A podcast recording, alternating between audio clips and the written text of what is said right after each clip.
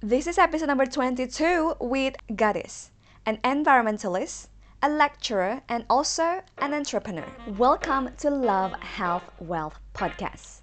My name is Zia, an Ayurvedic practitioner, a yoga therapist, and also a dance therapy facilitator. Every Tuesday and Friday, we're sharing with you valuable information and inspiring interview, offering you a more holistic approach to love, health, and wealth so that you can have the body and life you love and love the body and life you have. With so much love and excitement, let me present to you today's episode. Selamat pagi gadis. Selamat pagi Zia sayangku. Sedih banget. So, for those who doesn't know, gadis sama uh, aku udah ketemu eh udah ketemu, udah kenal 2000 berapa? 10 apa? 10 ya. 10 ya. Mm -mm. Jadi gadis tuh aku aduh, aduh, aduh. ini aku cerita girl crush aku dulu cerita ya. Cerita aku punya girl crush. Jadi I remember dulu tuh aku pernah ikutan um, kayak komunitas namanya komunitas sahabat kota di Bandung. What we do is we provide alternative education for kids. Ada thread gitu. Terus habis gitu um, aku ingat banget lagi ngumpul-ngumpul di Taman Salman ITB Terus tiba-tiba ini ada budak letik karena ternyata dia masih SMA si cewek ini. Rambutnya pendek, biasanya kan kalau cewek-cewek rambutnya panjang, bergelombang. Hmm. Cewek ini dia datang-datang pakai sepeda. Kamu juga pakai sepeda fiksi bukan sih? Iya, iya. Kayak cool banget kan dulu sepeda fiksi. Ini naik sepeda, pakai sepeda fiksi, terus rambut pendek. Aku ingat banget kayak pakai shawl gitu diikat di sini. Terus dia kayak senyum-senyum datang menghampiri grup kami. Terus dia kayak, "Hai semua!" with a very big smile. Terus gue cuma bisa melongo yang kayak, "What is this sorcery?"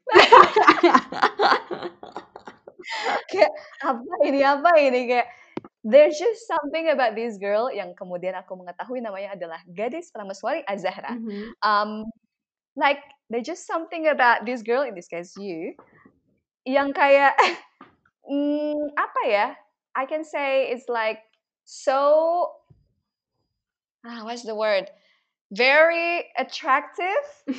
Terus gue kayak berusaha ini tuh atraktifnya sebelah mana? Kayak kenapa gue bisa sangat mesmerized with this girl yang kayak it's not the kind of typical oh this is what a beautiful woman should be but there's just something charismatic and mesmerizing about you. And later I know that, oh, it's actually something called inner beauty. Wow. nah, apalagi ternyata masih anak SMA waktu itu, it was like, biasanya at least for my personal experience SMA itu kan waktu-waktu kayak gue nih siapa aduh kok dia nggak ngebales WhatsApp eh kok belum ada WhatsApp SMS gue uh, gue apalah gitu kan and then this girl not only she's so confident in herself tapi juga uh, you've already doing so much work even you you get an award as like apa tuh Ashoka Changemakers ya. Mm -hmm.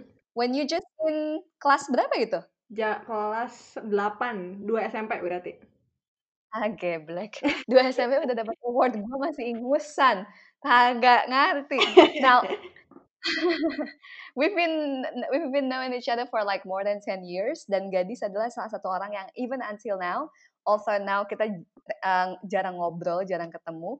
Uh, dari dulu juga sih sebenarnya kalau misalnya udah nggak sekota, but like Gadis is one of those person that I'm always look up to, even though she's much younger than me, but oh. she's much more like compared, to, especially compared to her people, pe her peer at her age, like she is just beyond her age, like um, it's it's incredible. So I just want to first appreciate you for being you. Thank you so much, terima kasih Zia.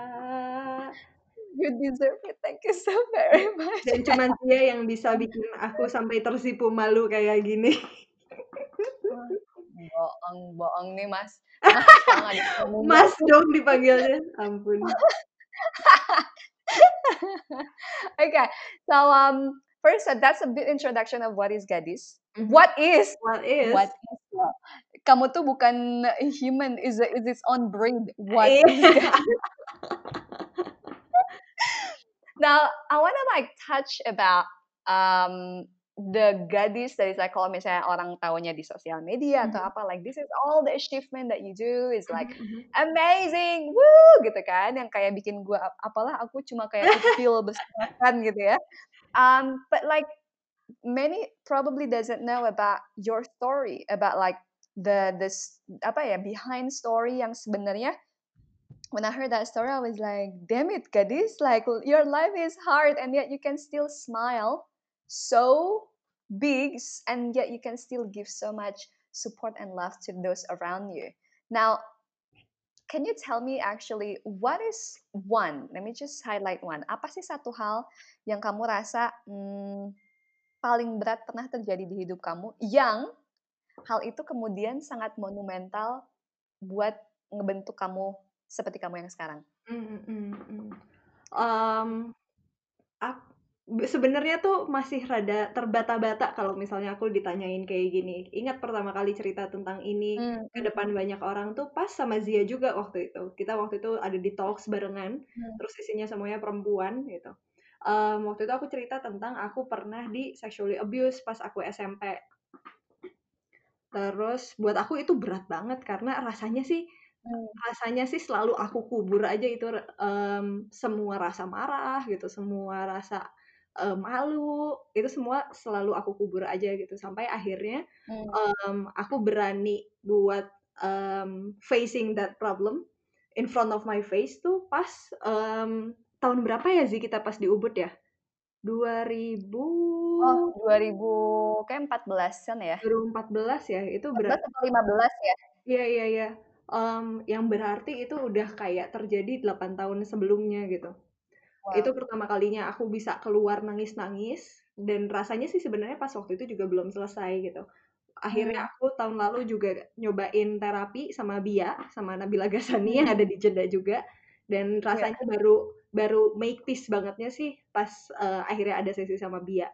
Nah, tapi wow. yang ngajarin aku adalah pada saat itu tuh aku rasanya um, disuruh bertanggung jawab sama kebahagiaan orang lain dengan cara dipaksa hmm. yang paksaannya tuh lebih daripada pressure gitu tapi physically pressure juga terus psychologically pressure juga gitu terus rasanya gitu rasanya aku seakan-akan bertanggung jawab sama segala hal yang salah di dunia gitu gitu hmm. itu tuh um, ada di dalam diri aku pas saat itu tapi ternyata um, itu kan sebenarnya penyakit ya saat aku iya. ngerasa bahwa semua hal buruk yang terjadi di dunia itu salah aku gitu nah tapi ternyata itu juga yang jadi bibit aku melakukan kegiatan-kegiatan lainnya gitu. Kayak Zia hmm. tahu juga kan kita pernah waktu itu bikin aksi buat nyelamatin bebalan Siliwangi gitu. Terus habis itu hmm. aku juga naik sepeda tuh biar mengurangi emisi karbon gitu. Terus sekarang aku kerjain parompong tuh buat beresin masalah sampah gitu.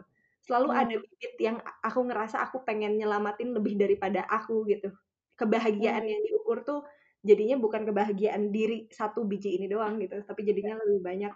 Nah, uh, aku juga ngerasa itu bibit yang mungkin terjadi karena aku pernah ngalamin uh, trauma itu sih sebenarnya hmm. yang akhirnya yang harus disembuhin uh, adalah bukan keinginan itunya gitu tapi si rasa sakitnya aja yang disembuhin tapi mungkin hmm. it happens for a reason gitu. It happens for a reason yang bikin aku jadinya selalu ngerasa kalau misalnya ada yang salah di luar aku aku juga punya andil buat bertanggung jawab ngubah itu jadi lebih baik gitu. Gitu. Hmm. tapi the the way uh, jadinya nggak ada nggak nggak jadi beban gitu buat aku. Itu sih yang aku pelajarin banget. Wow that's um that's deep. Dan maksudnya kayak even even in the midst of like your life challenge kalau saat orang lain misalnya aku mau cari uh, pelampiasan misalnya with men for example misalnya men hurt me I wanna hurt them back for instance itu common kan yeah. atau misalnya aku mau uh, emotional eating, aku mm-hmm. mau adiksi nih, aku pengen drugs for example, yeah. or I just wanna ruin my life. Yeah. Itu kenapa in that like I don't know. I, mean you were young as well, but now I'm sure like you have more understanding about yourself mm-hmm. and about life. Kayak kok bisa walaupun kayak bibitnya awalnya sebenarnya yang memantik itu sebenarnya rasa sakit, sebenarnya itu kayak challenge, especially from human perspective, that's like that's not pleasant at all. Tapi kok bisa berubah jadi sesuatu yang um, good in the end, not only for you especially, tapi justru ngefek ke lebih banyak orang sekitar dan dunia ini. Mm. Um, karena kan di situ ada sebuah freedom kan, you have the freedom to respond, mm -hmm. especially the way you respond isn't common dibanding banyak orang yang lain. like where is that coming from the way of thinking your Hmm. decision making karena aku jadi ingat bukunya Viktor Frankl uh, Man Searching for Meaning basically like it's not what happens to you but how you react to it Yeah. jadi kayak orang bisa doing whatever they want to you whether in this case like Viktor Frankl dia disend ke um, concentration camp waktu um, Nazi zaman Nazi. Mhm. um, and he was like tapi gue di situ punya freedom ada space antara kayak apa yang orang lakuin ke gue sama gimana gue react. There's space free there's a space for freedom of like how what will I react and choose to react from this? Iya. how's that process for you? Hmm, aku tuh pernah juga ditanya kayak gini dan sebenarnya kalau ditanya apa apa yang membedakan responnya akhirnya nggak merespon dengan cara yang negatif gitu rada susah jawabnya gitu sih karena aku pun nggak tahu sebenarnya. Kayaknya waktu itu terlalu muda buat em, apa namanya buat tahu gitu kenapa ya ngambil keputusan ini tuh karena terjadi ini gitu nah tapi yang bisa Hmm. aku bilang adalah sebenarnya aku juga nggak 100% positif banget gitu kok gitu walaupun yang aku Mhm. kerjain rasanya kalau misalnya dijadiin title ya kayak menyelamatkan lingkungan gitu membereskan masalah sampah gitu yang kalau Mhm. jadi title tuh noble banget terlihat dari orangnya gitu Nah, tapi sebenarnya kayak I did bad stuff juga kok karena rasa sakit itu gitu. Kalau misalnya tadi Zia bilang kayak, iya kalau orang lain tuh pengen jadi menyakiti eh, laki-laki gitu. Kayak aku juga udah pernah ngelewatin masa itu. you may well know. aku juga udah pernah melewati masa itu gitu. Terus abis itu kalau misalnya melakukan sesuatu yang ilegal gitu, aku juga pernah nyobain gitu. Maksudnya jadinya pas dia tadi bilang apa yang bikin respon aku positif, aku sih ngerasa karena aku udah nyobain dua-duanya justru gitu. Karena aku udah Hmm. pernah going to the dark side gitu. Terus rasanya Hmm. nggak bikin tambah enak juga. Terus ternyata emang merespon dengan cara yang lebih konstruktif, ya buat akunya juga jauh lebih enak gitu. Jadi aku Yeah. punya punya em, kesadaran untuk memilih yang lebih baik tuh karena emang tahu gitu, emang ya ini buat aku juga Ada direct kok. experience-nya ya. Mhm, gitu. Ternyata setelah aku nyobain beberapa hal gitu yang paling healing buat aku sih emang bukan dengan jadi destruktif gitu sih. Hmm. Jadi uh, bedanya cuma si the dark path-nya tidak uh, di expose di sosial media kalau Betul. ada dan tidak dapat award ya. Betul. Betul, kan yang dapat award tuh yang baik-baiknya ya.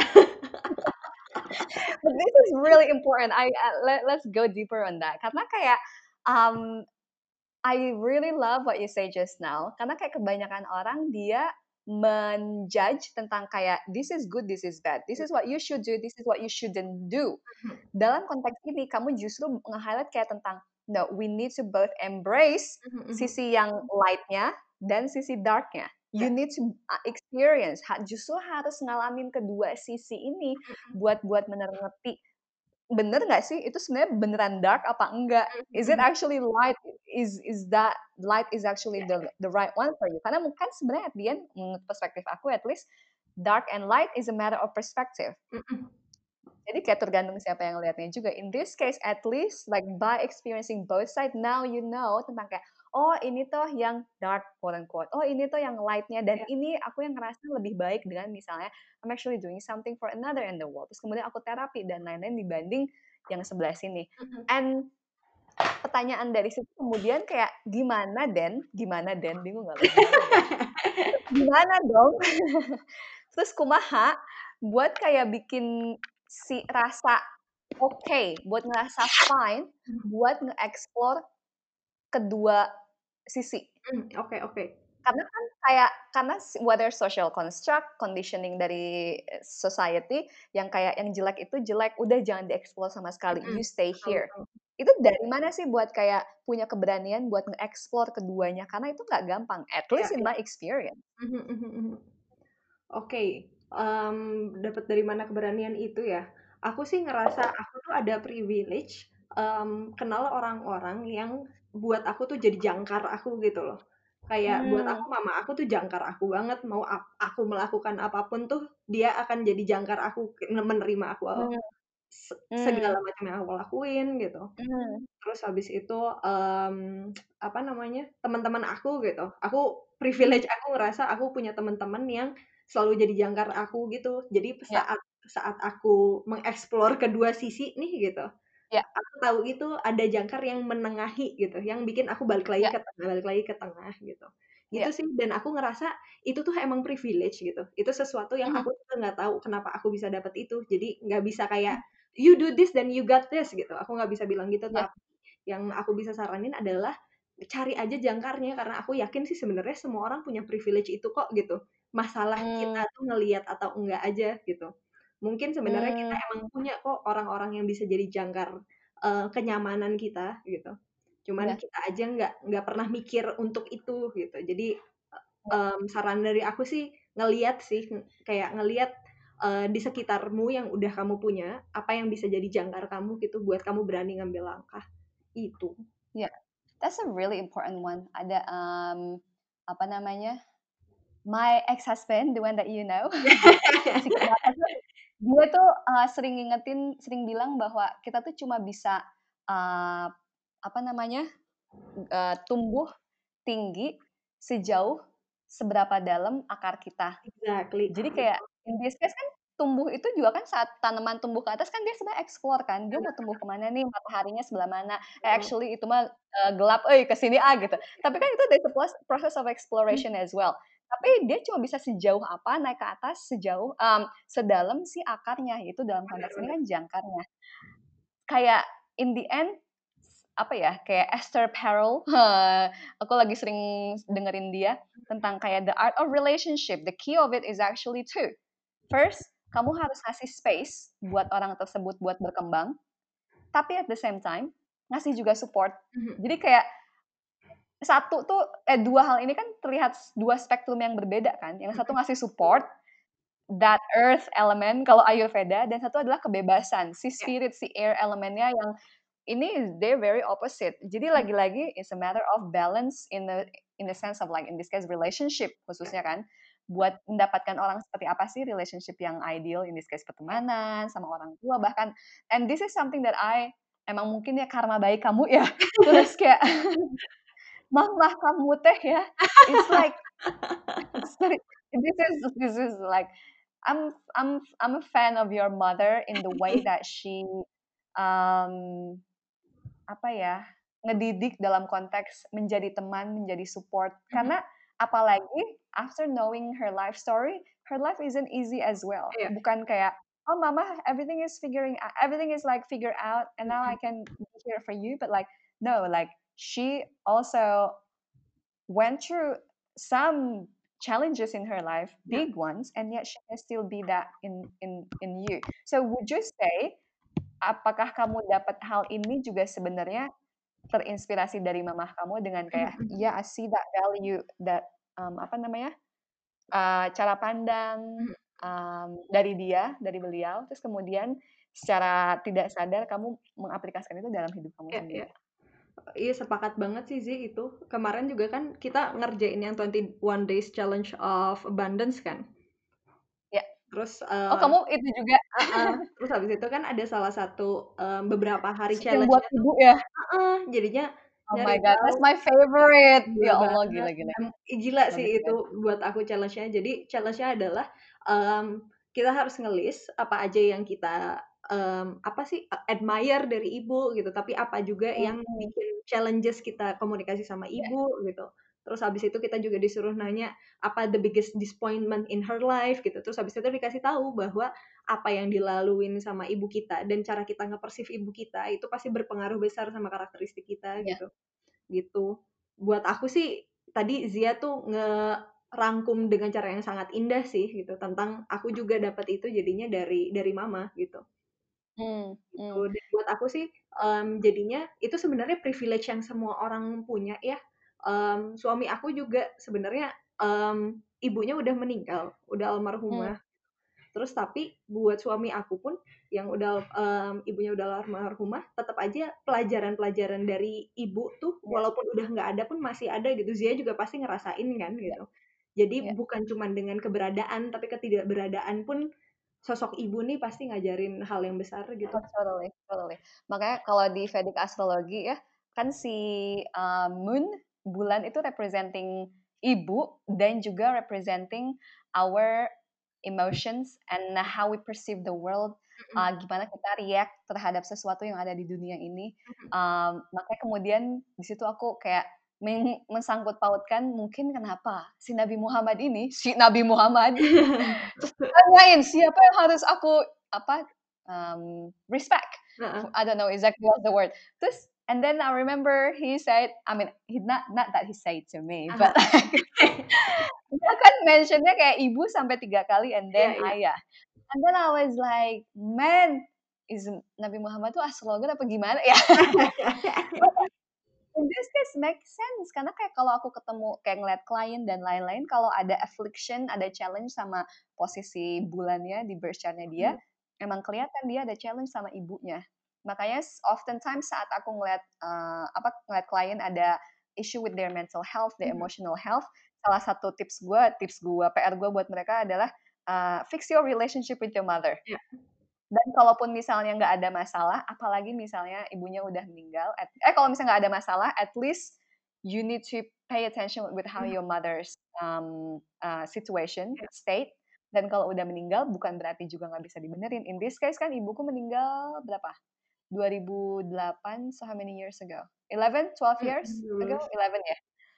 Um, dan banyak issue in that regards tentang kayak I don't feel I feel abandoned, bla bla bla karena ibu meninggal. Gimana yeah, tuh yeah. ibu meninggal? Mama meninggalkan aku misalnya. But there are still so many trauma that needs to be solved. Yeah. Um, and that can still work even if the even if the mother isn't here. So yeah. um dan pas aku bisa relate banget sama cita gadis yang kayak uh, si abundance meditation ya si Deepak Chopra ini kayak aku tuh kayak gila ini Deepak Chopra menarik banget dia ngebahas tentang ibu sampai beberapa iya, hari gitu kan it goes aku kira nanti bakal ngomongin ayah ternyata tidak ada. Aku kaget. Dan it's actually make sense like the mother really affect uh, our emotion our internal world yang kayak hmm. what we think what we feel then becomes our reality. In yeah. this case like really pay attention to the relationship with your mother and if there's any issue like fix that Uh, ayo yang ngedengerin ya coba PR dari sini.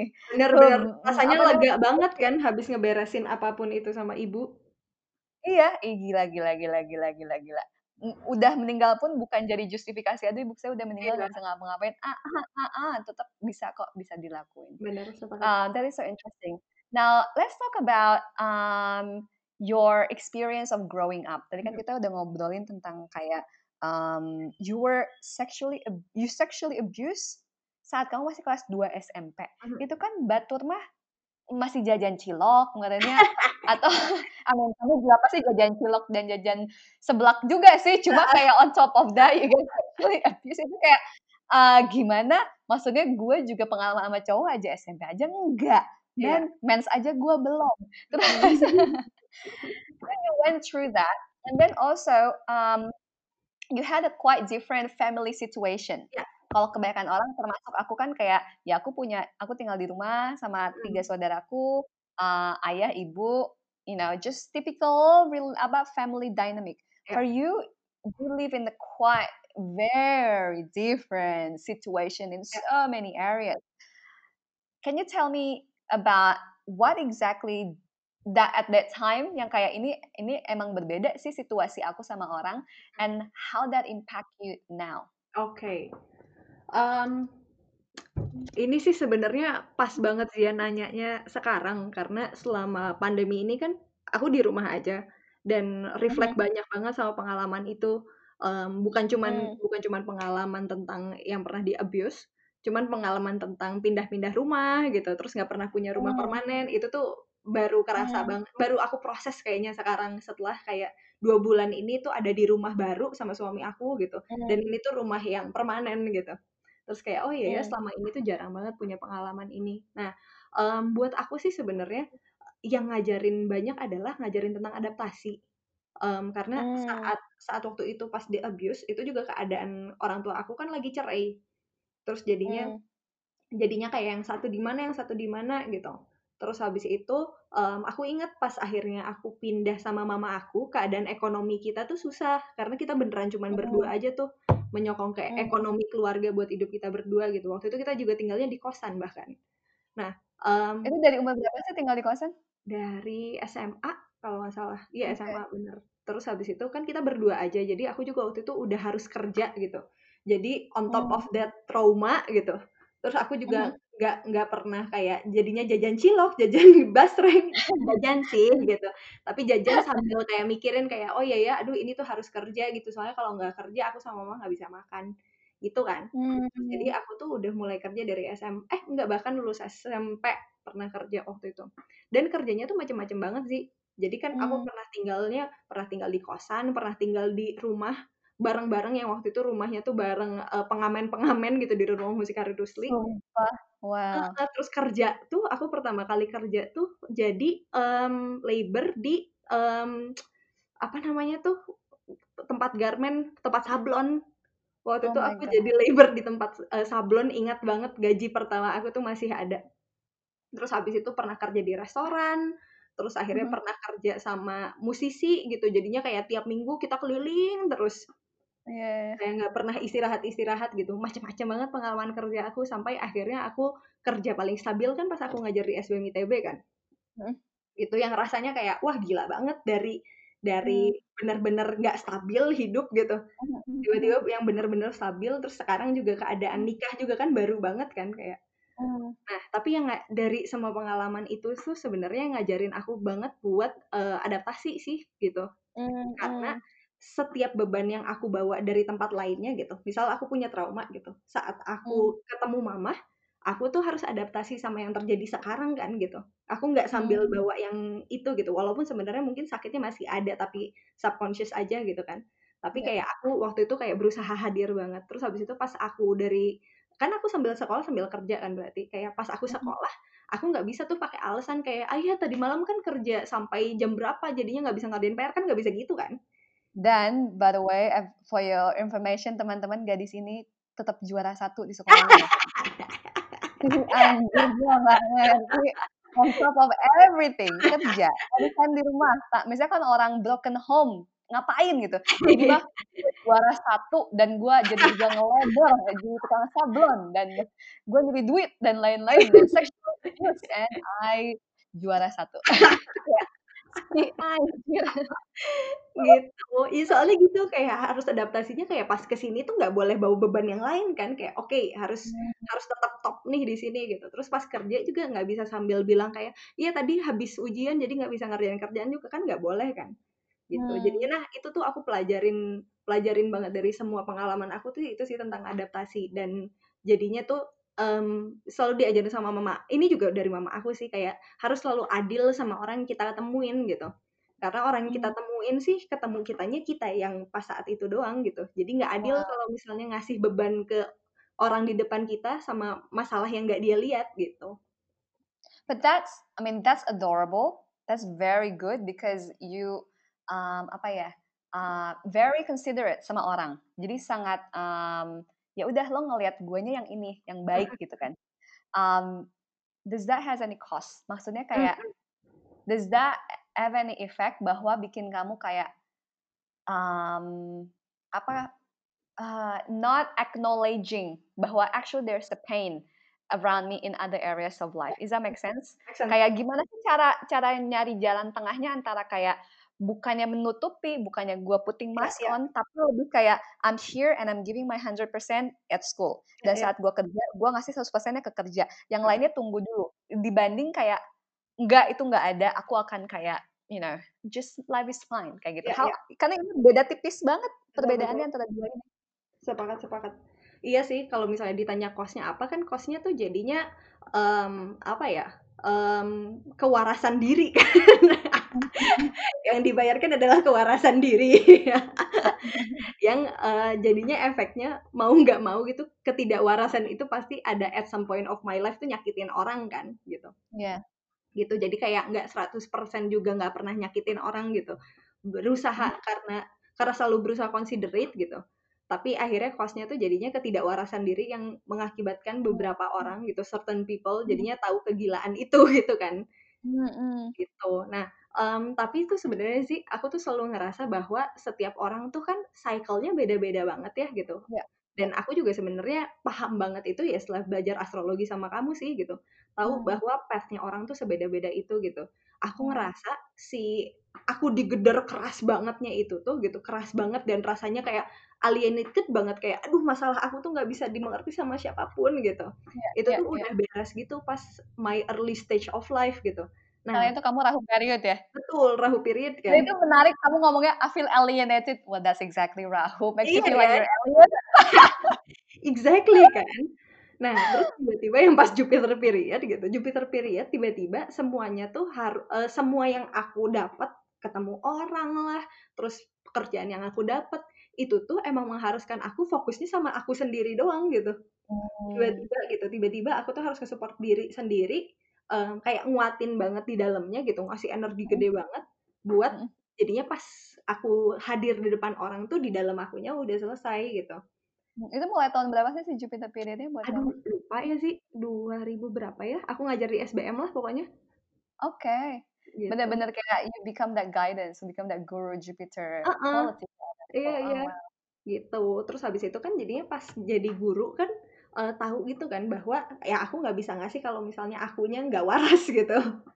Iya, Terus iya, jadinya iya. semua yang aku temuin, semua experience itu tuh mengharuskan aku jadinya ngeberesin di dalam aja gitu loh. Hmm. gitu. Nah, terus habis itu tapi buat aku tuh bisa bisa jadi kebalik gitu experience-nya. Bisa hmm. jadi orang tuh um, selama early stage of life gitu, ya mikirinnya diri sendiri aja gitu kan kayak ya pokoknya kalau misalnya aku lagi pusing nggak bisa diganggu gitu yeah. gitu aku tuh nggak pernah punya waktu itu kan dulu gitu yeah. gitu nah aku tuh baru belajar kayak gitu sekarang gitu kayak aduh kalau misalnya lagi stres kayak gini nggak boleh nih ngerjain karena keluarnya jadinya jelek gitu nah hmm. tapi ya begitu bisa jadi kebalik bisa jadi kayak si uh, pemahaman bahwa aku tuh harus sehat dulu sebelum aku ngasih ke orangnya tuh terjadi duluan hmm. terus jadi pas yeah. sekarang tuh kayak di, diminta sama orang kayak nah lu udah bisa kan uh, ngebenerin diri lu sendiri sekarang coba bantu orang dong gitu Iya iya. That's a gitu. really important point of view buat kayak ngelihat setiap orang punya timeline-nya, setiap orang punya fasenya masing-masing. Emang kayak nggak usah di-compare, bukan berarti kayak um, kalau saat stres ya you need to self you need to take care of yourself first. Itu iya. penting. Cuma kayak porsinya sebanyak apa? Kayak Zia misalnya, I only turn on my phone after midday sebenarnya. Karena sekarang orang menyadari bahwa uh, gue bener-bener harus full dulu sebelum gue ngasih ke orang. Tapi ada satu fase di mana misalnya kalau kamu jadi seorang ibu, kamu capek kurang tidur, bentar ya nak ya, uh, bayi kamu nangis, nggak bisa, benar nggak bisa, nggak bisa karena itu lagi fasenya ya self care-nya bukan kayak berarti harus full banget buat ngasih ke orang.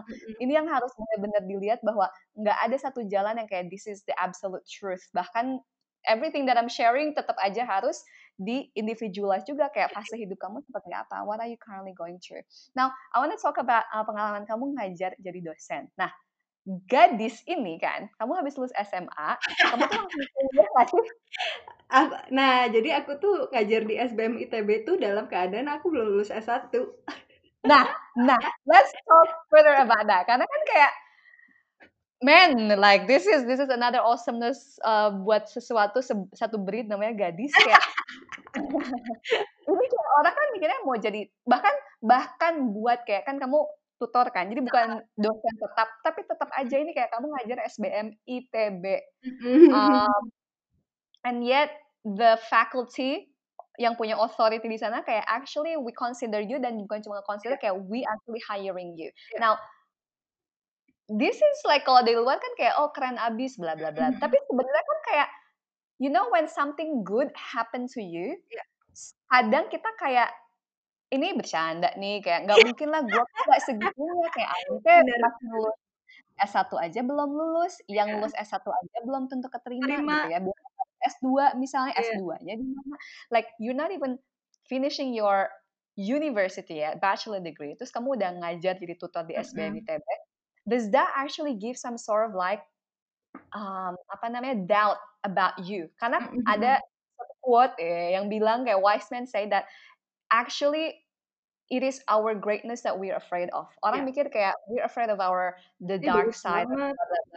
Ah, ah, tapi justru kayak uh, pokoknya kayak ini Marianne Williamson. Um, she's a amazing, beautiful woman, very wise. She's actually running for uh, nggak tahu masih atau enggak uh, uh, presidential election di US. Oh, tahu tahu tahu. Iya iya iya. Yeah, amazing. Um, dia nulis buku kok gue lupa kok gue lupa judul bukunya apa. But anyway, um, dan dia bilang kayak it is actually our greatness that we're actually afraid of. Dan gue kayak anjir bener banget ya justru saat orang ngasih pujian, saat gue kayak dapet big award terus gue kayak ini nggak mungkin sih apa yeah, sih yeah. udah gue mah nggak siap atau misalnya ada cowok sesimpel kayak cowok ganteng dan amazing and kind and they love us terus kayak you lo pasti joking nih lo pasti yeah, yeah, mau yeah. kayak you know what I mean so how how is that the same principle applied to your experience yeah. yang belum lulus S1 um, dan bahkan uh, kamu juga kuliahnya kan bukan sekolah negeri bukan ITB bukan, juga yeah. gitu how does that like impact you internally from yeah. that perspective yeah, yeah itu bagus banget Desi quotesnya. Aku juga baru dengar dan rasanya tersentuh banget. Oh. Bagus banget. Nah ya. kalau iya sih pengalaman pengalaman itu sih bener banget. Jadi um, yang aku percaya sekarang sebenarnya Zi hmm. kalau misalnya cerita ke kamu kan bisa bilang ya kayak iya yeah, because I was in a Jupiter period waktu itu. Terus kayak suddenly all make sense gitu. Kayak oh ya kalau gitu kamu bisa ngajar tapi kalau misalnya buat orang tuh itu kayak tiba-tiba loncatan yang gede banget kan. Terus dari mana pula gitu. Nah terus aku tuh selalu ngerasa segala kejadian terbaik dalam hidup aku yang aku cherish banget itu tuh terjadi karena ketidaksengajaan sih semuanya gitu. Karena kayak hmm. kayak I was really lucky. I I'm a right guy at the right uh, apa namanya? I'm a right guy in the right time gitu waktu itu. Hmm. jadi ceritanya waktu itu um, ada namanya Pak Budi Permadi Iskandar yang sebenarnya hmm. salah satu senior di SBM ITB kan um, kalau misalnya bukan dia yang merjuangin aku gitu karena hmm. setelah uh, aku tuh waktu itu ada tiga tahap tahap CV tahap interview um, sama hmm. dosen-dosen ITB sama tahap um, simulasi ngajar jadi waktu itu aku harus ngajar ke anak tingkat tiga yang wow. adalah waktu itu nggak jauh beda umurnya sama aku terus habis wow. itu mereka vote gitu mereka mau nggak diajar sama orang ini gitu wow gitu. jadi setelah melewati itu um, apa Jadi namanya bukan cuma polusi doang yang kayak kalau sih apa nepotisme tuh. Ya nggak gitu juga tapi you actually went through the process as well. Nah terus habis itu karena aku udah pas gitu despite uh, sebenarnya background aku tuh yang um, ya sebenarnya nggak ada sama sekali tuh kejadian di SBM ITB yang nge-hire tutor bukan lulusan SBM gitu. Terus belum dapat gelar juga sebenarnya itu tuh nggak ada kejadian banget kayak gitu. Tapi karena hmm. Pak Budi ini percaya sama aku terus habis itu percaya buat aku ngelewatin tahap-tahap itu dan berhasil gitu dia tuh merjuangin aku banget sih gitu. Wow. dia di depan fakultas tuh maksudnya dia merjuangin aku banget gitu. Waktu itu juga ada Triadi kan yang udah masuk ke SPM duluan dan memperjuangkan aku juga gitu. Jadi aku sih ngerasa kayak aku ngeluarin effortnya tuh sebenarnya segini gitu. Tapi sisanya tuh karena aku laki banget gitu Terus kayak hmm. salah satu kejadian yang laki dalam hidup aku juga kan sebenarnya ketemu kamu gitu, ketemu teman-teman oh. yang bisa jadi jangkar. Terus habis hmm. itu kejadian terbaik lagi adalah menikah sama Wibi gitu, yang kita tahu hmm. ceritanya juga aneh banget gitu. Nah, aku jadinya ngerasa um, apa dong kalau kalau gitu kalau misalnya achievement achievement terbaik dalam hidup aku tuh datangnya karena um, ketidaksengajaan gitu, bukan karena aku planning. Terus apa dong yang harus kita planning dan apa dong yang harus kita persiapin gitu? Ya. Yang persiapin kan sebenarnya waktu di antaranya kan, waktu di antaranya tuh kita harus oh. mempersiapkan diri gitu. Kita harus hmm. bikin diri kita lebih baik setiap hari gitu. Walaupun lagi hmm. nggak ada apa-apa nih sekarang dan lagi pandemi gini kan orang-orang di rumah rasanya tuh waktu kayak nggak jalan gitu. Kayak hmm. nah tapi justru ini nih waktu di mana kita tuh harus kayak bikin setiap harinya tuh kita lebih baik supaya nanti pas ada kejadian yang bikin kita loncat dalam hidup kita loncat tuh dengan kesiapan yang baru gitu. Hmm, that's important terus abis itu aku juga ngerasa jadinya um, yang suka bikin kita takut kan bener kan tentang greatness di dalam diri kita sendiri gitu. Tapi kita tuh aku sih gitu rasanya ngerasa nggak akan takut kalau misalnya kita tahu ini greatnessnya tuh datang karena aku sendiri percaya bahwa aku berusaha lebih baik setiap hari gitu. Ya gitu. Terus habis itu kalau misalnya masalah um, ketakutan dulu juga takut aku juga cerita ke Zia sih waktu itu tentang kayak ini tuh aku bener gak sih? Kenapa sih orang-orang memperjuangkan aku? Kayak aku teh apa tuh? Gitu. Saha aing teh. Tuh gitu kan. Tapi itu sih yang sekarang aku nemu jawabannya buat aku sendiri adalah itu. Saat setidaknya kitanya sendiri yakin gitu dalam hari itu kita tidur tuh setelah melakukan yang terbaik itu jadi saat hmm. ada lompatan kita udah siap. Nah terus kemarin juga aku nonton di um, Netflix kan si dokumenter tentang babies sih gitu. Selain karena gemes banget sama bayi-bayi, terus itu bilang, um, si bayi itu sebenarnya tumbuh tuh bukannya kayak, uh, setiap hari numbuh 0,5 senti gitu, nggak kayak gitu. Cuman Hmm. kayak bisa jadi dalam seminggu, bayi tuh sama aja persis kayak gitu, gitu. Cuman Hmm. dalam satu hari tiba-tiba naik satu setengah senti gitu, tiba-tiba membesar aja buk gitu. Makanya Oh. dibilangnya ada growth spurts kalau misalnya si bayi-bayi yang kayak dalam satu hari itu tiba-tiba tumbuh aja gitu. Nah, sisanya Wow. ngapain? Sisanya si ibunya tuh ngasih makan dengan baik gitu.